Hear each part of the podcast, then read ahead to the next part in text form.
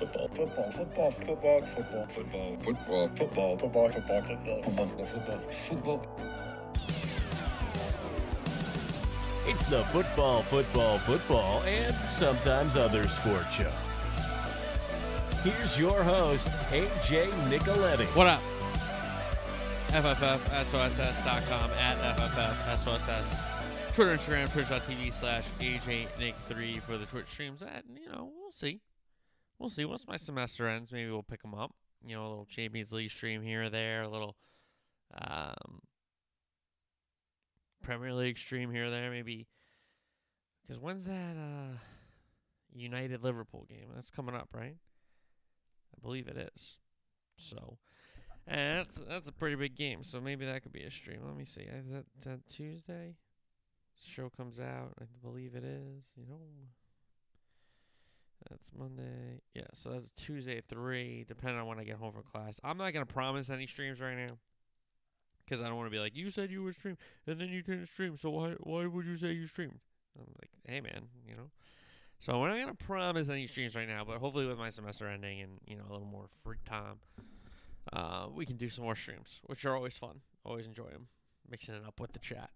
Um, twitch.tv slash AJNick3 for those streams. All right. Uh, on the program this Thursday, big footy program, big soccer program. If you're not a soccer fan, you know, and you wanna you wanna skip this one, just give me the download. You know, if you could scroll, you can scroll the playback button all the way to the to the back, uh, to the to the end, so it counts as a playthrough. That'd be great for the numbies. Uh, apparently, we're having a big month. Shout out Virginia. If you're listening from Virginia and you're you're a new fan, like reach out. What's good? Because I don't, you know, I don't look at the numbers like I used to.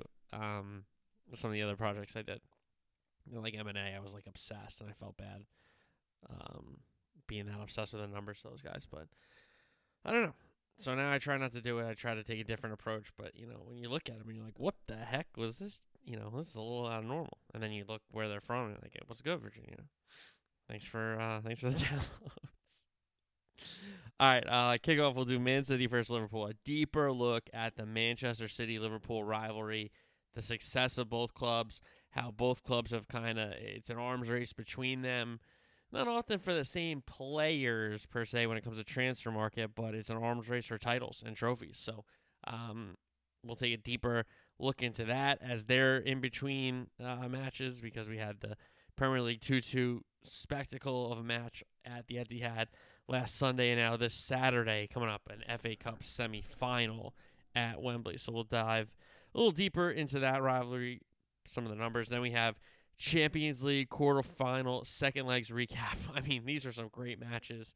Um, and that's what this competition is all about. You know, a couple weeks ago I called March Madness the best tournament in sports. It is for me still, but I'll tell you what, Champions League is is breathing down March Madness's neck. And I know there's going to be some college basketball people listening. What did he just say? Listen, you w- watch these games.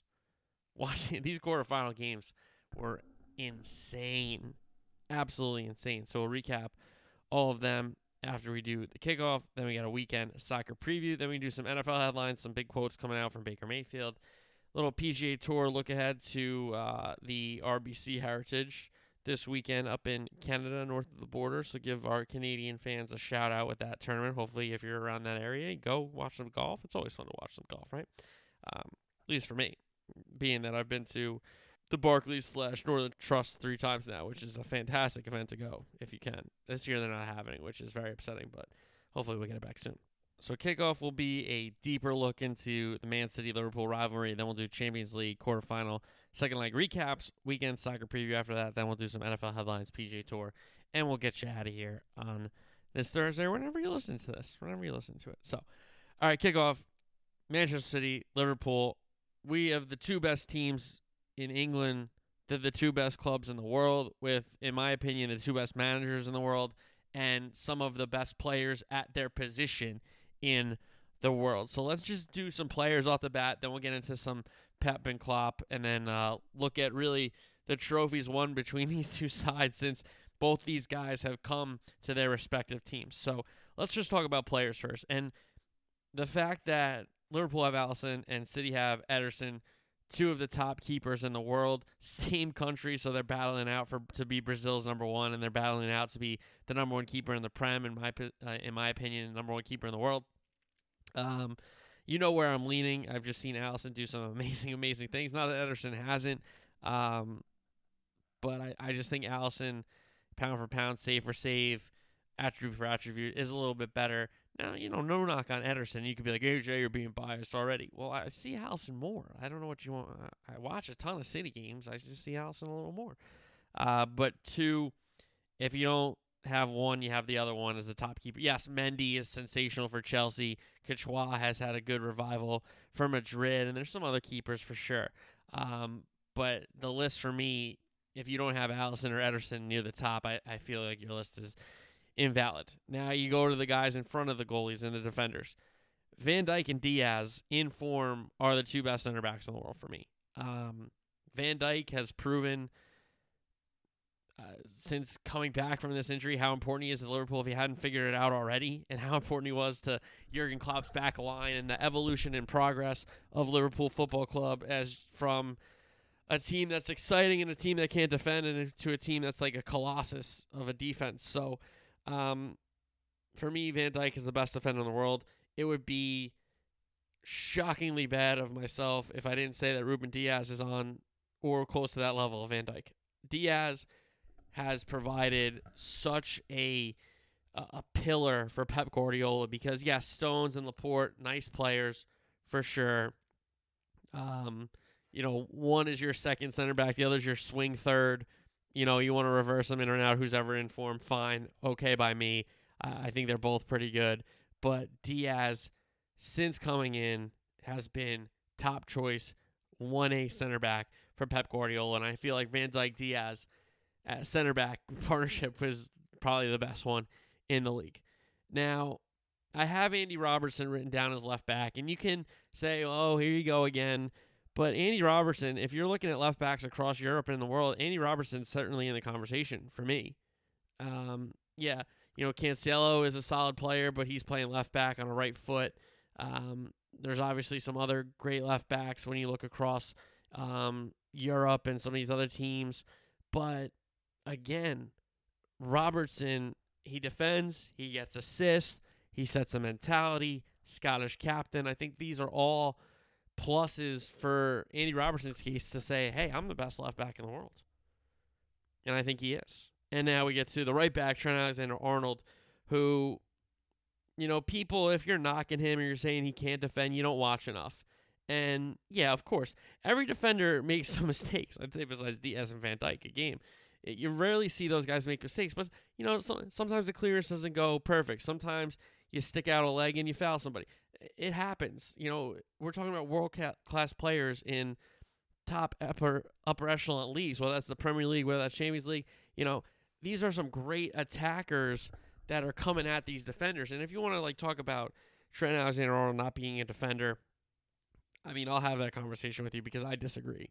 I, I think for him, it just shows that all the things he can go do forward, people still want to uh, devalue him and, and not validate his skill as, as a whole right back. And he's the best passing right back in the world. He might be one of the faster right backs in the world. Hakimi's pretty good too. But for my estimation, Trent Alexander Arnold is the best right back in the world. So we have two of the best center backs. We got the best left back. We got the best right back. Uh, I think we have two of the best goalies in the world. And between Fabinho and Rodri, you want to talk about holding midfielders. Yeah, you can talk about Casemiro, the other Brazilian but Fabinho has been a titan in Jurgen Klopp's midfield since coming in, and Rodri was just like picked uh, off a tree for Pep Guardiola to bring in. I mean, Pep needed a center defensive mid- like midfielder, a holding midfielder after you know Gundogan uh, kind of plays the eight better than he plays the six, which is more the box to box role than the holding. And then you have Fernandinho, who's aged and played center back, and he, he hasn't he's not the same you know as he once was, right? And that's not a knock on him. But Fabinho and Rodri, two of the best sixes in the world, maybe the the two best. Henderson to me is an engine, and you want to talk about number eights. you want to talk about uh, box-to-box midfielders? Jordan Henderson has to be in the conversation, and I understand people being like, "Oh, we passed the ball side." You don't watch then. You don't watch what he does. You don't watch some of the interplay on the right side when it gets to Salah, um, Trent Alexander-Arnold, and Henderson. The triangle that they set up on that near side when they're attacking the Kop end in Liverpool at Anfield. So Henderson has to get a shout here. He's been a difference maker for this Liverpool team. When he's in the lineup, you just see he orchestrates it better. They have more results. I mean, it's just clear as day. So Jordan Henderson has to be in the shout for me as box to box midfielders. And then the best midfielder in the world for me, yeah, you know, Luka Modric had that great weekend, or sorry, midweek game against Chelsea, and he had a big match against PSG. Yeah, he's a great midfielder. Don't get me wrong, but he's not the best in the world right now. Kevin De Bruyne is. Kevin De Bruyne and unfortunately picked up a knock at uh, the Wanda today against Atletico as I record this on Wednesday. But Kevin De Bruyne for me is the best midfielder in the world. He can score, he can pass, he can cross, he can dribble. He he's great on set pieces. He understands where the space is. Uh, he can play the through ball. He does it all for me as a player. And Kevin De Bruyne for me is class. I wish I could take him off City, put him somewhere else in Europe, just not in England because he's that good. He's that a pain in the butt uh, to play against, and he's just he's outstanding. He's outstanding. He does it all. You know, just when you give him a, a, a little slip of goal, he can score. Just when you say, okay, I'm going to take away the shot, he dinks a pass over you to the back post, which is you know inch perfect. Uh, the crossing, the the set pieces. De Bruyne is the complete perfect midfielder for me. So he's the best midfielder in the world. Then you get to the attack. Sterling, uh, very good player, having a good year. Phil Foden to me is going to be uh, a pain in the EPL's butt for years and years to come. Him and De Bruyne combining. Foden's outstanding. Mahrez is one of the best players from the African continent, no doubt about it. And then the Liverpool front three of Salah, Mane, Jota. Yeah, Bobby Firmino gets a shout for what he's done, but he's been, you know, in and out of form. He hasn't gotten the games that he used to, and uh, to be fair to him, he's run a lot of miles in those legs. And you know, Diaz has come into Liverpool and made a nice little name for himself. Now, again, City kind of really doing this out w- without a proper number nine and a proper striker. Yeah, Gabby Jesus wears the number nine, and sometimes he gets the start up top. But since they lost Kun Aguero, they haven't had like that proper proper striker. And even then, he wasn't like the most proper striker. Yeah, he could head the ball a little bit, but he wasn't winning headers over a Van Dijk or you know somebody like that. So they haven't had that like true you know number nine. That's why they were linked to Kane for so long. That's why they've been linked to Haaland because they need a, they can use a guy like that. And Pep in some of these big matches does overthink and and doesn't um play maybe his strongest side or his best eleven because he's overthinking it. Um, so for a City, you know, Foden, Sterling, Mahrez, three great attackers. For Liverpool, Salah Mane, Jota. I think I think they're I'm pretty sure they're the three top scorers in the Prem right now, the three of them, and then Trent and Salah top the assist marks if I'm not mistaken. So you can't deny Liverpool's front three. I think the front three I just said from City is devastating. Yes, you know Jack Grealish could come into play. Um, but I, I think he's got to settle into City a little more, get some more minutes, get figure out where his place is. But Foden's outstanding. The link up play with De Bruyne is great. Sterling is always dangerous. Mahrez very dangerous, even though he's missed some chances recently against Liverpool. And then when you get to the Liverpool guys, Salamana Jota. I mean, outstanding link up play. Um, Jota scores so many ways. Salah scores so many ways. Mane scores so many ways. They're brilliant. Uh, they're relentless. They they also press, which I'll get to in a second when I talk about the manager styles. You know, to get your strikers and, and front men to buy into pressing and playing defense when you don't have the ball, like that takes a lot because you know they are busy trying to score goals and they don't sometimes they don't have time for defense. Look at PSG early in the year when they were playing Mbappe, uh, Messi, and Neymar all together, like they have been the rest of the way. But early on, and especially in those Champions League matches, you know those guys weren't defending, so you got to defend. You got to defend. So some of the best players in the world at that positions. Now let's get to the managers. Pep Guardiola, appointed by Man City in July 2016. We know his style, possession, tiki taka football from Barcelona days. It's a symphony. It, it's pass, pass, pass, pass, pass, pass, pass, pass, pass, and we get a tap in. You know, it's they play a high line on defense. They try to win the ball back. Do they press a ton? No, not necessarily be, because th- they believe they're going to get the ball back. And it's not going to be by pressing all the time. It's going to be by, you know, winning a header and, and getting a turnover. And then, you know, break if they have to, but they'd rather just hold the ball, hold the ball, hold the ball, because if they hold the ball, you can't score.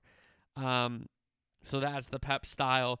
Barcelona, he won the uh, La Liga three times and the Champions League twice. He went to Bayern Munich. He won the Bundesliga three times, and now at City, he's won so much, missing that Champions League, which we'll get to in a second.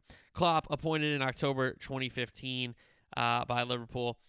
If Pep is a symphony, Klopp is heavy metal. Uh, gegenpressing, football, high line. If you lose the ball, go win it back. That's the style for Liverpool. He's really built a team that plays to that style. Alisson's really great in one-on-one situations because when they play a high line and they actually get beat, Alisson's more likely to jump out quick, make a save, and recover the ball.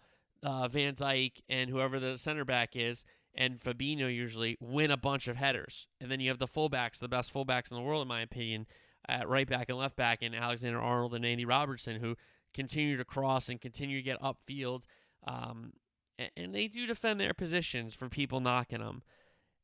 Midfield, you know, a Thiago, a Henderson, a Naby Keita, all kind of box to box, all can make that final clinical pass into the final third. And then when you go five deep for Liverpool up front now, Salah, Jota, Mane, Firmino, Diaz, a lot of those guys are interchangeable. You know, I'd say the only true number nine there is Bobby Firmino, but you could play a Salah at the nine. They've been playing Diogo Jota at the nine. You can play a Sadio Mane at the nine. So again, the Liverpool team built by Klopp and, and, and Michael Edwards and some of these other guys that are in the Liverpool, um, you know, board and, and the front office there, they've built a team to play their style. It's not like they've uh, come up with the style because the guys they have.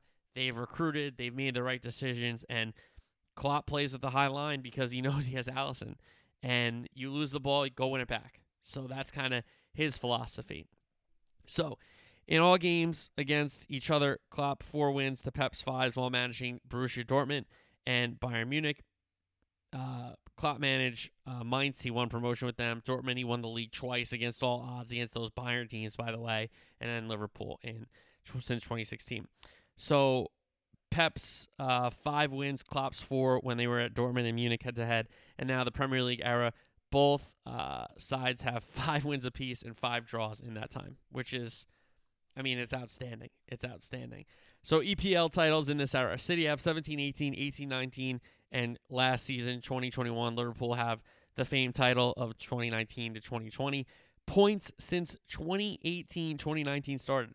Manchester City, 339. Liverpool, 338. I mean, the the way the split hairs that these teams are separated have shown really how great they are.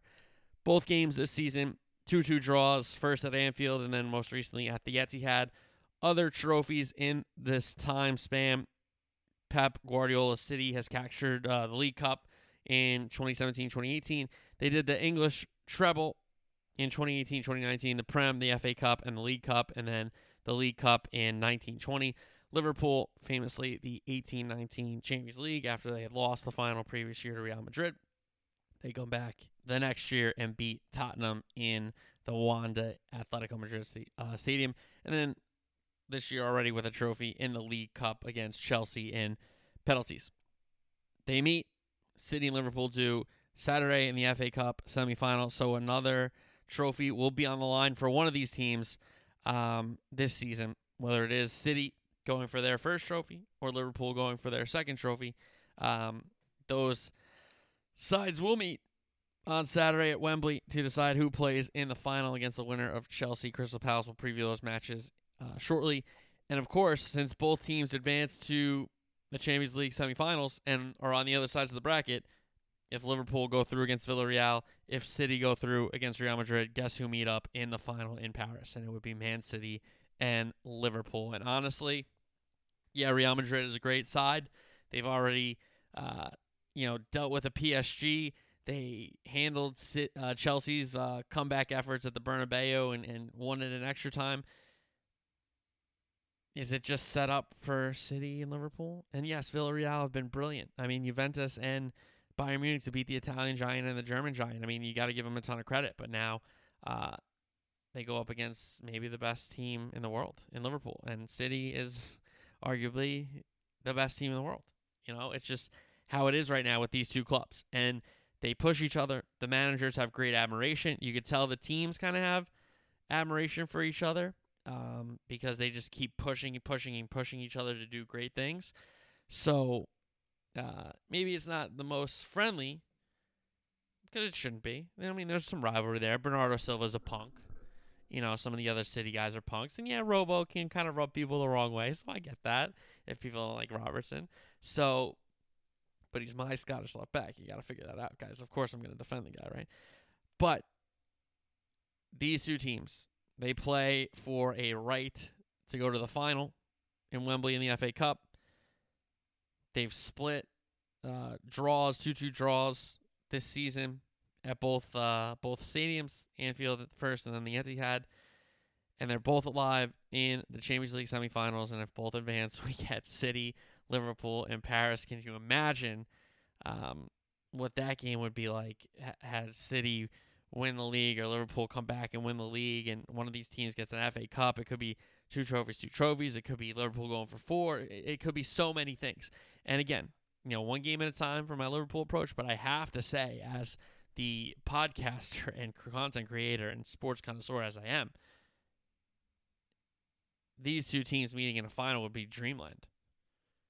I mean, it'd be absolute dreamland. So we could see it, and we will see it on Saturday. Manchester City, Liverpool at Wembley for the right to go to the final and play the winner of Chelsea Crystal Palace. So we'll preview game, preview those games shortly, but we'll do Champions League quarterfinal second leg recaps first. Let's get into those. Real Madrid and Chelsea. Real Madrid were up 3 1 from the first leg thanks to the Benzema hat trick. Havertz pulled one back for Chelsea. Same 11 for Real in this one. Chelsea had changes forced to them with uh, Azpilicueta being out. They certainly played an interesting formation. You know, he had to play Alonso, which he did, and Alonso was a difference maker early on for sure. So uh, second leg, Chelsea went at 3 2 in extra time, but that meant Real Madrid went through. Mason Mount, Rudiger, Werner, goals for Chelsea. Rodrygo's goal from Modric's unbelievable outside the foot cross. Um, outstanding. And then uh, Benzema in extra time off Vinicius. So let's recap the game. The Chelsea goal kind of came out of nothing in the in the first half. I mean, it was a ball played in, it kind of got deflected, and then it goes to Mason Mount, and he's on the move, and here comes Mount, and he scores. So 1 0 to Chelsea, and the belief was on from then and there. Uh, we go to the second half. Reece James on kind of second ball of, of an attack kicks it into the ground. It looks like it goes off the Real Madrid defender. I think it was Modric at the time, but it does not go off Modric. So Chelsea earn a corner that they should not have had, and it's Tony Rudiger with the header. So now Chelsea up 2 0 and believing and thinking they can go through because now they're level after being down 3 1 coming in. They're up 2 0 on the night. It's tied 3 3 on aggregate. Road goals don't count like they used to. So if they get another one, they all they had to do was defend. And they did get another one. However, the Marcos Alonso goal was disallowed. Handball. It was a harsh call but it's just it is what it is. They're going to call these uh, how they're going to call them. Uh, if it hits your hand and it, it, leads to a goal and you're the offensive player, like they're going to call it. So uh, harsh, but it seemed like the right call. Benzema then had a big chance for Real Madrid. His header went off the crossbar. And then Werner scored at the other end for Chelsea. A great goal. He dribbled multiple Madrid defenders, very patient to slot it home. That put Chelsea ahead. Havertz right after had a great chance to beat Courtois and give Chelsea some breathing room off a set piece. Low header, brilliant header, and Courtois goes down and gets it. Absolutely brilliant save. Madrid had to have it. So then Rodrygo, the substitute, comes on. Modric, ball into him into the midfield. Maybe one of the greatest crosses you'll ever see. I mean, this ball is absolutely on a platter to Rodrygo. And yes, he has to finish it first time, and it is a tough finish for sure. But the ball, I mean, if you throw it to him, if you if you just like handed it to him five feet away, I don't think he could have done better than what Modric did. So an absolute brilliant cross that levels the sides 4-4, 3-1 on the night for Chelsea, um, but 4-4 on aggregate. Pulisic comes on, some chances, but the match ends up going to extra time. Vinicius picks his head up, going down the left side here, looks to cross the Benzema, realized he couldn't, held on to it. Pressure comes back. Him and Benzema reconnect. Vinicius puts it right on his head. Benzema, header, goal, Madrid the lead. And now Chelsea had to score again to force PKs. Ziyech had a big chance, forced a really good Mendy save, but I don't think they got a corner out of it. It kind of went out for a throw in. And then Madrid did their job to hold on to the final whistle. And Chelsea have nothing to be ashamed of. They should be they should be very proud of their effort going to the Bernabeu and winning there. I know they don't come out winners in the tie, but they were winners on the night. Um, and they should be very proud and they should hold their heads high. And yes, they're knocked out as the holders, so we'll have a new winner in the Champions League. But it's it's very tough. You know, you'd almost rather get blown out as a fan because then you'd be like, hey, we, we didn't deserve it. But Chelsea certainly deserved to go through. They just were un- very, very unfortunate because that first leg, and you think about that third goal to Benzema, where between Mendy and Rudiger, I mean, they handed him a goal. They handed him his hat trick. So, you know, if that goal doesn't go in, it's 2 1. Madrid going back to you feel certainly better about your chances. Uh, one goal would have forced extra time. You wouldn't need the extra goal. So, very, very difficult um, situation for Chelsea. But they fought. Tuchel, very proud of his crew, his squad, especially after he was like, it's impossible. I don't think we can do You know, he's you know building it up. Um, but uh, again, outstanding for Madrid.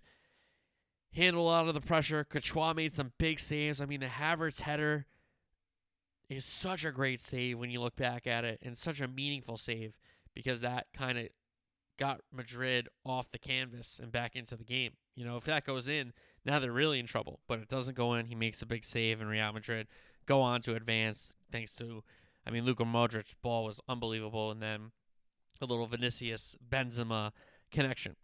So Madrid lose on the night, but go through to the semifinal. The other matchup on Tuesday, Bayern Munich, Villarreal. Villarreal were up 1 0 from the opening leg. Villarreal put out their same 11 that they had rested over the weekend. Munich with a new formation and a new 11. Uh, Nagelsmann clearly went a little more aggressive, and the second leg ended up being 1 1. Lewandowski got Munich level, but Chukwueze gave Villarreal an equalizer on the night and a winner over the two legs. Uh, Bayern had the ball, but really couldn't score in the first half. Uh, Musiala had a chance, didn't score it looked like he got hurt, to be honest. Uh, Lewandowski ends up leveling the match in the tie, or sorry, not the match, the tie in the 51st minute, giving Munich a 1 0 lead on the night. Villarreal tried to play out the back of uh, out of the back, bad pass. Lewandowski comes to him, he's not going to miss. Mueller then had a pair of chances. Uh, one chance went high, another header went wide. Kingsley Coman had a good chance. It was a blast over the bar. Uh, long ball from the keeper for Villarreal and that developed into a little bit of a half chance, but Villarreal could not uh, capitalize there. But they showed a threat.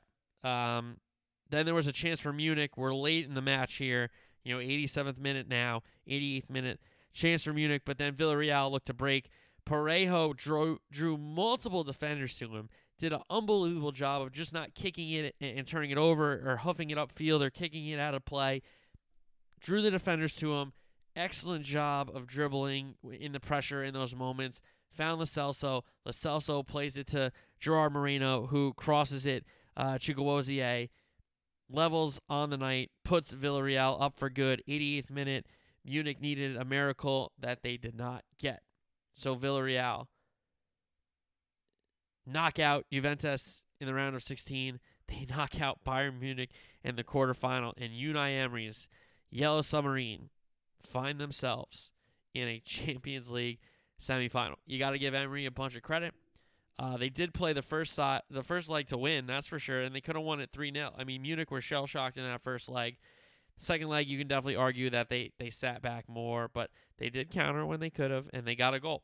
They got a goal that did not force extra time that ended the tie instead. So big day for La Liga there on uh, Tuesday. Real Madrid and Villarreal both advancing. Then we had Liverpool Benfica on Wednesday. Liverpool up 3 1 from the first leg. Second leg ends 3 3.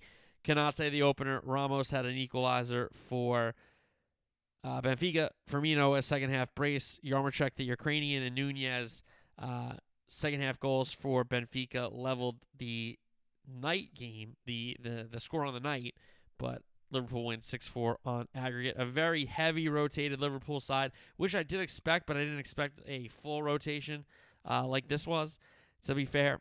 Uh, Liverpool score on a carbon copy of the opening goal from Portugal. This time it's a Tsimikas cross instead of a left-footed Robertson cross. Same left foot. Uh, Konate nods it in just like he did in Benfica uh, basically a week's time ago. So it was 1 0 Liverpool. Nunez then scored, but he was ruled correctly offsides. Diaz got Liverpool a corner. Firmino chance goes high. Uh, Ramos' goal was ruled on, even though he was offside, but they ruled it that Milner's touch was deliberate enough to reset the offside, basically. So Ramos gets an equalizer for Benfica. Naby Keita had a pair of chances. Firmino and Diaz had a chance where Firmino could have chipped the keeper. It seemed like twice. He lays it off to Diaz, and just as Diaz is getting ready to tap in into an empty net, uh, last ditch effort defense by Benfica, which was brilliant. So that was really the end of the first half. It was 1 1 at that point. Second half, Benfica gives the ball away. Misplay by the keeper, misplay by another defender, and Jota crosses to Firmino, tap in 2 1 Liverpool. Then another set piece for Liverpool. Tsimikas, his second assist of the night. Great ball. Firmino, first time, hits it in. So it was 3 1. Then Benfica got a Yarmolenko goal that was ruled offside, then VAR VAR overturned it. Then a Nunez goal that was ruled offside, then VAR overturned it. So we were three three. Alisson then with a huge save on Nunez, kind of similar to the Courtois save against uh, Havertz. Different circumstances, but two big important saves. Two very big important saves. Liverpool had some half chances, but no goal. Nunez scored again. I mean, it was uh, it was it could have been more offside, so it was not a big deal there and Liverpool see the game out. They don't allow another goal, and it's 3 3 at Anfield. But the first leg result carries Liverpool into the semifinals. So they'll take on Villarreal, first leg at Anfield. Talk about that in a second. Then we had Atletico City. City up 1 0 from the first leg, and who would have thought that's all they needed? Because this second leg was 0 0. And City did have some of the better play in the first half. And then what I kind of talked about with Atletico is what are you going to do? Play one half, you know, and, and try to get a goal and get a winner? Because you're not playing, you know, you, you can't play that way for 120 minutes and try to win. They didn't get a shot until almost stoppage time of the first half. So they played two hours plus where they didn't get a shot. I mean, that's really bad. You know, that's really bad. So I'll just tell you that. I mean, that's that's horrendous for me. Anyway, City here in the first half. Gundogan had a shot go wide. Stones chance uh, hit the bar off a set piece. Then probably City's best chance to score. Foden, little heavy touch, but he gets to it first. Lays it off to Gundogan. Gundogan hits the post, comes back out to him. Header cleared. And then De Bruyne goes for the next ball, but it kind of got blocked. So that was really City's best chance, certainly in the first half, in my liking. He hits the post there. Uh, but Atletico got it clear. Atletico had a half chance, but the first shot of the tie was very late in that first half. So we go to the second half, and here's where Atletico turned it on. And I'll get to them in a second, really, about how they play. Uh, Griezmann, first chance, uh, slightly just hit it wrong. Chance for Joao Felix, but he can't get the final touch on a cross. Joao had another chance, but this time he skied a header. Griezmann had a chance go wide. Rodrigo de Paul came on. His chance went wide. Walker and Kevin De Bruyne are both hurt and subbed off at this point. Atletico then had a penalty shout with Correa. The ball eventually fell to Rodrigo de Paul. His shot went wide. Then the complaining started. Correa then had a shot go wide of Ederson. Cunha had a chance after he was subbed on. His shot got blocked by Stones. And here's where it kind of popped off. And we talked about it being a cagey affair. It was. But it didn't really pop off until this moment where Felipe goes in hard on Phil Foden. It's not really the first contact, more of the second contact when he kind of kicks him out. And he's already on a yellow card. And Foden did a great job to stay on his feet until the final challenge because he was fouled like three times by two different players. And then here's where Atletico has no right to get upset because they do this stuff all the time. And this is how they win a ton of games with time wasting, with appealing to the referees about fouls, you know, cards, all this kind of nonsense and garbage, which turns a bunch of people off to the sport. So, anyway, Foden, who recognizes that he's on the ground and he's close to the touchline, so instead of being out of play, let's stay on the pitch and then get some treatment on the pitch so this game gets delayed, which is a great move by him. And all the Atletico players would do it the same. So when Savage comes over and has a problem with it and drags Phil Foden off the pitch and then it pops off, how does that what leg does Atletico have to stand on? And Simeone, the way they play. Clown show. So bench is clear. We got Savage grabbing Grease, uh, Grealish's head uh, from behind with the hairpiece. You know, it popped off. Savage gets the yellow card for doing that, but more importantly, Felipe gets his second yellow card for the challenge. He gets a red. Gundogan should have scored. Good save by Oblak. And then Cancelo, who I don't know what he's doing, he, he can still defend, but he dives in to give up a uh, set piece right on the edge of the area. He's very fortunate that he wasn't closer to, into the penalty uh, area. So they get a chance from that, Atletico do, but it's a brave punch from Ederson amongst the traffic. Atletico one more big chance for Correa, but Ederson answers the bell, makes the save. Game finishes nil nil. We had scenes in the tunnel afterwards of players screaming at each other. I mean, Vrsaljko looked like he was gonna like knock somebody's head off. I mean, it was absolutely insane. And again, for Atletico to even have one ounce of a problem with what City were doing very scary. I mean, that's that that's so delusional. That's so lack of self awareness. It's it's scary. I mean, that's that's freaky to me. That they have. I mean, they're complete hypocrites. This is how they win all, a ton of games. Time wasting, rolling around, bothering the referee, all that kind of stuff. And Simeone clapping the ref like it's not his team. Come on, dude. Come on, man. Get lost. I'm sorry get lost. Get lost. So, uh, what's the expression? He who laughs last, last long, laughs longest. So we'll have Liverpool and City advancing on Wednesday. So that sets up City, Real Madrid, Liverpool, and Villarreal in the Champions League semifinals. So we could get Spain, Spain. We could get England, England, or we get England, Spain. But it will be a huge clash. Probably, you know, I'm I'm not gonna say anything yet, because uh, Munich was seen laughing when they got uh, Villarreal in the draw. Manageable, I think they called it, and they get knocked out. So, I'm not gonna say anything about Villarreal. They played really hard and they deserve to be here from their results. All right, so let's do the weekend soccer preview now. City and Liverpool. De Bruyne and Walker injured. Who knows if they can play? But City should get a boost on defense with Ruben Dias coming back into the 11. Liverpool seem to be fully fit, and they'll have Van Dijk, Alexander Arnold, and Andy Robertson all rested. Henderson, Thiago, Fabinho, Salah, Jota Mane did not play 90 minutes, so we'll have to pick either Matip or Konate. I'll probably pick Matip if I'm if I'm guessing uh, to pair with Van Dijk, and then you have pretty much your 11, I would say. If he doesn't start Thiago, he's got to start Naby. For my, if, but I think it will be Thiago. And again, in this match, both teams go for it. Nobody sits back, attacking from everywhere. You got to defend as a team, um, and and we should get another outstanding match between Man City and Liverpool. I mean, it, it's very disappointing that De Bruyne is not fully fit. Does that change things for City? I mean, it sure it does but he could put, you know, Silva in that role. He could put a Foden in that role if he wants to go a little more um, like De Bruyne than not like De Bruyne, I guess you could say.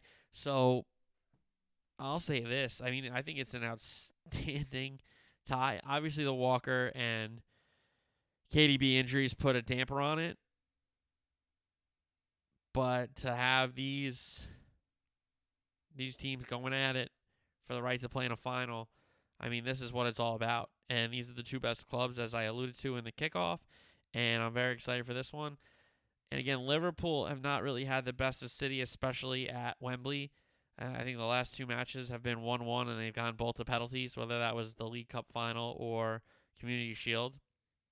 Um, so Liverpool will certainly try to end that streak. They did get a big result at Wembley, finally winning the League Cup earlier this uh, campaign against Chelsea. So that should give them some more uh, better feelings when they go to that that stadium and that dressing room. I think so. And for City, all City has done is really won trophies with Pep Guardiola. So they know what to do in these competitions. He'll have another 11 that's certainly challenging to defend and challenging to attack and let's just do it again. Let's just do it Saturday Saturday uh, morning. Let's just do it. So looking forward to that one for sure. Chelsea Crystal Palace in the other semifinal. Chelsea, as we know, fought very hard midweek against Madrid. What kind of eleven does that present Tuchel with for the weekend here? And Crystal Palace has a chance to play spoiler at Chelsea's really only shot at a trophy left. They're knocked out of the Champions League as the holders. They went to the final against uh, Liverpool in the League Cup. They're not going to win the Premier League. So this is really Chelsea and Tuchel's only shot at a trophy. And, you know, for my worth, they should get to the final. And they should take on a City or Liverpool team, and they'll be the underdog either way. But they should get to the final here. Crystal Palace is having a nice season. Uh, Vieira has shown that he can manage in the Prem for sure. A little bit of a youth movement up there, which had to be done when we talked about all the expiring contracts last year with Crystal Palace and, and the team Roy Hodgson had. You know, Vieira comes in, Gallagher has been brilliant. You know, my guy Eze hasn't been in the lineup as much, but hopefully you can see him soon. But Zaha seems to be refreshed under Vieira. The defense seems to be working with some of the guys they've hit on, whether it's the youth guys or, or guys they brought in. So Crystal Palace is certainly capable. They've had some big results in the Prem uh, this season. They've had some big results in this competition to get to Wembley, that's for sure. And they're a lively dog here, but don't get it mistaken. Chelsea's a Chelsea's a big favorite in this London derby at Wembley. So outstanding matchups in the FA Cup semifinals. Yeah, you wish it was a Chelsea Arsenal or a Chelsea Tottenham, but we still get a London derby and we still get a pretty good matchup in that other game. All right, EPL matches over the weekend. Tottenham Brighton, big game for Tottenham. Can they continue their momentum? Brighton are a pesky side, but no real striker. How does Potter set them up against uh, Conte? It's going to be very interesting. Man U and Norwich. Man U have to get back to winning ways. I mean, they have to play well. They have Liverpool looming. They, they have to think they know they have Liverpool looming, um, which could get really bad. Could get really, really bad um, if Liverpool are on the front foot and, and coming off whatever they're coming off against Man City. Whether that's motivated to keep chasing things and, and they're going to play an FA Cup final, or it's, it's the um, anger to get back on the pitch again after a, a disappointing result on Saturday. Whatever it is, Liverpool's going to be ready to go Tuesday against United, regardless. So United have to get three points here against Norwich. Feel a little bit better about themselves going into that tough, tough matchup next week. Then we have Southampton and Arsenal. Southampton coming off getting drubbed by Chelsea. Arsenal, you know, have had great results, but now have kind of stumbled a little bit. And they're not the favorite anymore for top four, with Tottenham having a three point lead in a game at hand. You know, yes, you could still consider Arsenal should be even, but Tottenham have shown a lot of improvement. Not that Arsenal haven't, but Arsenal need to be more consistent with their results for sure. For sure. Watford, Brentford. Brentford have shown that they're going to stay up. Uh, Watford needs some results. They're probably going to go down, but um, it's not done and dusted yet for uh, the folks from Vicarage Road and Elton John and that crew over there. Elton John, big Watford fan, if you didn't know. Um, but Brentford have shown that they're going to score some goals and they're going to play good defense. So you got to break them down. Newcastle, Leicester City. Newcastle has brought in a, ton, a bunch of money. They brought in a bunch of players, starting to find their form a little bit with Eddie Howe once they all kind of figured each other out. Going up against the Leicester side, who have been kind of disappointing this year, but recently have started to put it together So that's an exciting game. Then we have West Ham Burnley. West Ham uh, have had some disappointing results of late. Burnley, big result against Everton, and then uh, lose over the weekend against Norwich, which you're like, hey, we could have buried them and, and given ourselves a big lift, but we let them back into this race. So, uh, abridged EPL schedule, obviously, with the matches in the FA Cup semi final over the weekend. All right, La Liga, Atletico take on Espanyol. Sevilla, Real Madrid in a big match. Maybe Barcelona can win their game against Cadiz and, Real Madrid drop points against Sevilla. Could that get a little interesting? Maybe, maybe, but I think Barcelona might have run out of games.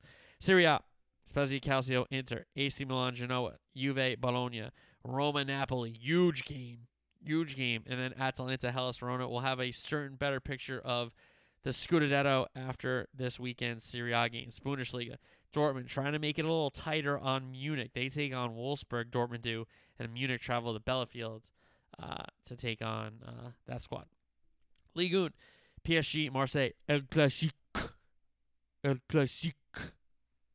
The classic in France. All right, uh, NFL headlines. Snyder's in deep trouble. Dan Snyder, the Washington Commander owner, deep trouble here. Uh, we got a mask tweet here. The House Oversight Committee tells the Federal Trade Commission that the commanders and Daniel Snyder may have engaged in troubling, long running, and potential unlawful pattern of financial conduct. Then we have Mirov from PFF. Former Washington Commanders VP Jason Friedman told the Oversight Committee that the Commanders had two sets of books and intentionally allocated NFL revenue to non NFL events at FedEx Field, concerts, college games, so it wouldn't be part of NFL's revenue sharing pool. The NFL has put Mary Jo White on the case. She just dealt with the Washington uh, sexual harassment case, which to me, they kind of got away with a lot, if we're being honest. So hopefully she tightens, she gets some more evidence in this one and they nail Snyder because, I mean, this guy's just a horrific, horrific owner. Uh, done some really, really dirty things. I, I, you can see that some of the owners have let their reporters and, and let them know some of the dirt. You know, he got couple reports coming out that he made it a, a, safety ordinance illegal to cross the street so that people had to take or had to park in the satellite parking lots instead of like other parking lots that weren't as much like the official satellite park. So like bus over. So this guy's just a grade A crook. He's a grade A scumbag, and hopefully he gets what's coming to him. Um, let's go to Baker Mayfield. We got three quotes from Bake as he appeared on a podcast. Uh, I think it was Mike Studd's podcast, to be honest. Big, I feel disrespected 100%. I was told one thing and they completely did another. Uh, quote, this would have been a week and a half ago. I would have said Indianapolis. Uh, Seattle probably might most likely option. Even then, no idea. I'm ready for my next chapter. And then I would love to show up to someone's cubicle and boo the ass out of them. Uh, that gives you major Seinfeld vibes with Toby, Kramer's redheaded girlfriend, Elaine's coworker. If you remember that, she goes to Jerry's show and heckles him, and then Jerry heckles her at her office. Then she loses her toe.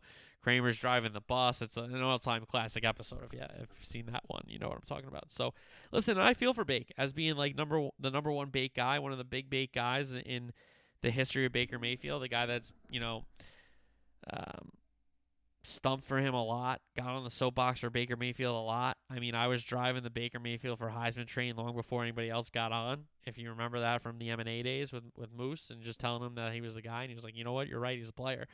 Now, you know, he goes to Cleveland. You can argue he helped turn them around, and I will certainly argue that. And you know, to tell him one thing and then go do another, that doesn't seem right. And uh, he's playing hurt, and you don't like value that. That kind of sucks because he should have just, just sat out then. You know, if we're doing the whole it's a business thing, he should have just sat out because this is what happens. And it, you know, it does suck, and I and I feel for my guy because, um, you know, you go get a quarterback in Deshaun Watson who we still don't know if he's playing. Like most likely he is. You know, with the cases not being tried during the season, but what if he's not? You're just gonna turn to Baker. Hey man, do you mind uh, taking some snaps? Do you mind playing for us? Why would he play for you? Just because you're paying him after you did him so dirty? You know, so it, I feel for my guy. I do. I feel for him. Uh, and everybody can clown him. Everybody can say he stinks. Not a lot of people were saying he stinks when he was putting up numbies and turning that Cleveland team around and franchise around and getting them to the playoffs, by the way. A thing that not a lot of the quarterbacks that could do, uh, other quarterbacks could do, turn that team around. Okay. Um, so those are some of the bait quotes coming out. I feel for my guy. Another quarterback news: uh, Derek Carr gets his extension with the Raiders, three for 125, 121 and a half to stay in Vegas. Apparently, he told his agent he would be playing for the Raiders or playing golf. That doesn't really give your agent a lot of leverage if you're trying to negotiate. Um, you know, it's not like he can go to other teams, but Carr gets his extension. He's going to play with Davante Adams. They've been trying to play together, and now they get it. So very exciting stuff there for Vegas Raider fans, and that division just gets continues to kind of get better and better. You know, they get Chandler Jones, they re-sign Crosby, they get Davante Adams in the trade. I mean, that Raider team improved. You know, the Chief team. Can we say they've improved getting rid of Tyreek Hill? I don't know. Denver's improved. Chargers have improved. So that's a great league. Uh, division, sorry, league. All right. Um, Jerry Jones at the Blockchain Cowboys event. He's gonna he finally official team deal with Blockchain. Don't, that stuff's way above my pay grade, guys. So I don't know what the hell that even means. So it's that. But the cow he doesn't rule out the Cowboys trading up, which I guess he's saying they're open for business to start fielding some calls. But why would you say this? You kind of give away your leverage. I don't know. That's just me. Uh, Travis Etienne, the Jags running back. Great quote here. If there was any year to miss, it was last year. referring to the Urban Meyer stuff. I mean, that's that's a great line. That's a great line from the former Clemson running back. Seattle picks up uh, former Denver tight end Noah Fant's fifth year option. Fant was one of the main pieces headed back to Seattle in the Russell Wilson trade. Justin Jefferson says he likes uh, new head coach Kevin O'Connell's approach so far, kind of a more relaxed approach. And you could just say he's a player's coach or he hasn't been a head coach before because we know Zim. Man, Zim ain't really a player's coach. You play hard for him, you believe in him, he'll go to bat for you, but he is not typically known as a player's coach. Let's just say that. Uh, speaking of those Denver Broncos previously, Courtland Sutton uh, acknowledges the juice is different with uh, in Denver with Russell Wilson being the quarterback. Uh, so for my juicers out there, my XQC fans, not the juice. The juice is different. The juice is worth the squeeze. Fun story here coming out of Tampa Bay. Uh, Tristan Wirfs doesn't have didn't have Tom Brady's number apparently, so I don't know what that was about. But uh, he said Tom, hopefully he can reach out. Tom gets his number, tweets something about his extended car warranty. He's like, ah, just kidding, it's Tom. It's like, oh, I'll post this on social media. So that's a fun, fun little stupid story. Um, not a fun stupid story. Probably a stupid story, but not a fun one certainly. Cam Newton goes on million dollars worth of games. Shout out Barstool Sports, Gillie and Wallo, and maybe says the most 1950, 1945 thing you can say. You know, women need to be quiet, learn how to cook. If you can't cook, what's your like? Hey, man, you know, you can think things, you can have your own opinions. You know, this is America. You can think and say what you really want. But sometimes, like, maybe just don't say those things. You know, you've already gotten in trouble for saying, you know, have you guys run patterns? You know what route combinations are and stuff like that. Stuff some female reporters. Maybe, like, take that. Take that out. I don't know. Maybe that's just me. Maybe don't. Maybe don't say that. I don't know. That's just me. Maybe don't. Maybe maybe just keep that keep those opinions to yourself. You know, listen, you, this is America. You can say and do what you want for sure, but that doesn't mean there there aren't consequences with the things that you say and do. That's how it works. That's you know people being like um, people doing the um, you know, oh, freedom of speech, First Amendment. You you don't know. You don't really know, right? So, all right, that's enough, Cam Newton, because he's that's just. I mean. Could you imagine going on a podcast and saying that? Like, what are you doing? You're just setting yourself up, man. You're setting yourself up. So, all right, over to golf. We got the uh, RBC Heritage up in Canada. Good field for Harbour Town fun course. We got JT, Morikawa, DJ, Cam Smith, Lowry, Niemann, Fitz, Berger, Conners, Cantlay, Kuchar, among others. So that's a pretty good field for um, not a high tier tournament as as I would say, as I would rank some of these other tournaments that are majors and players and some of the other ones. So, um, good field for the uh, PGA this week in Canada.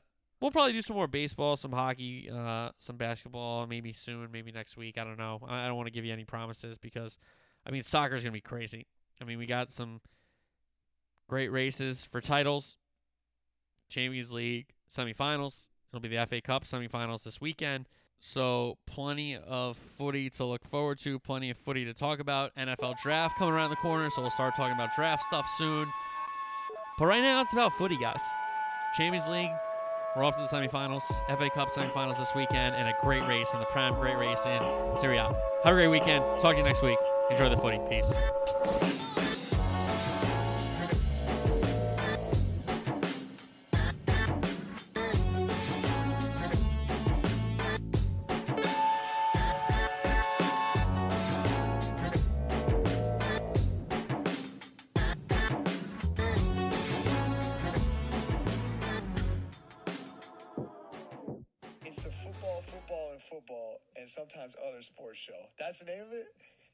Check out his podcast. That sounds like my kind of podcast. Football, football, football, and sometimes other sports show. Sounds like me.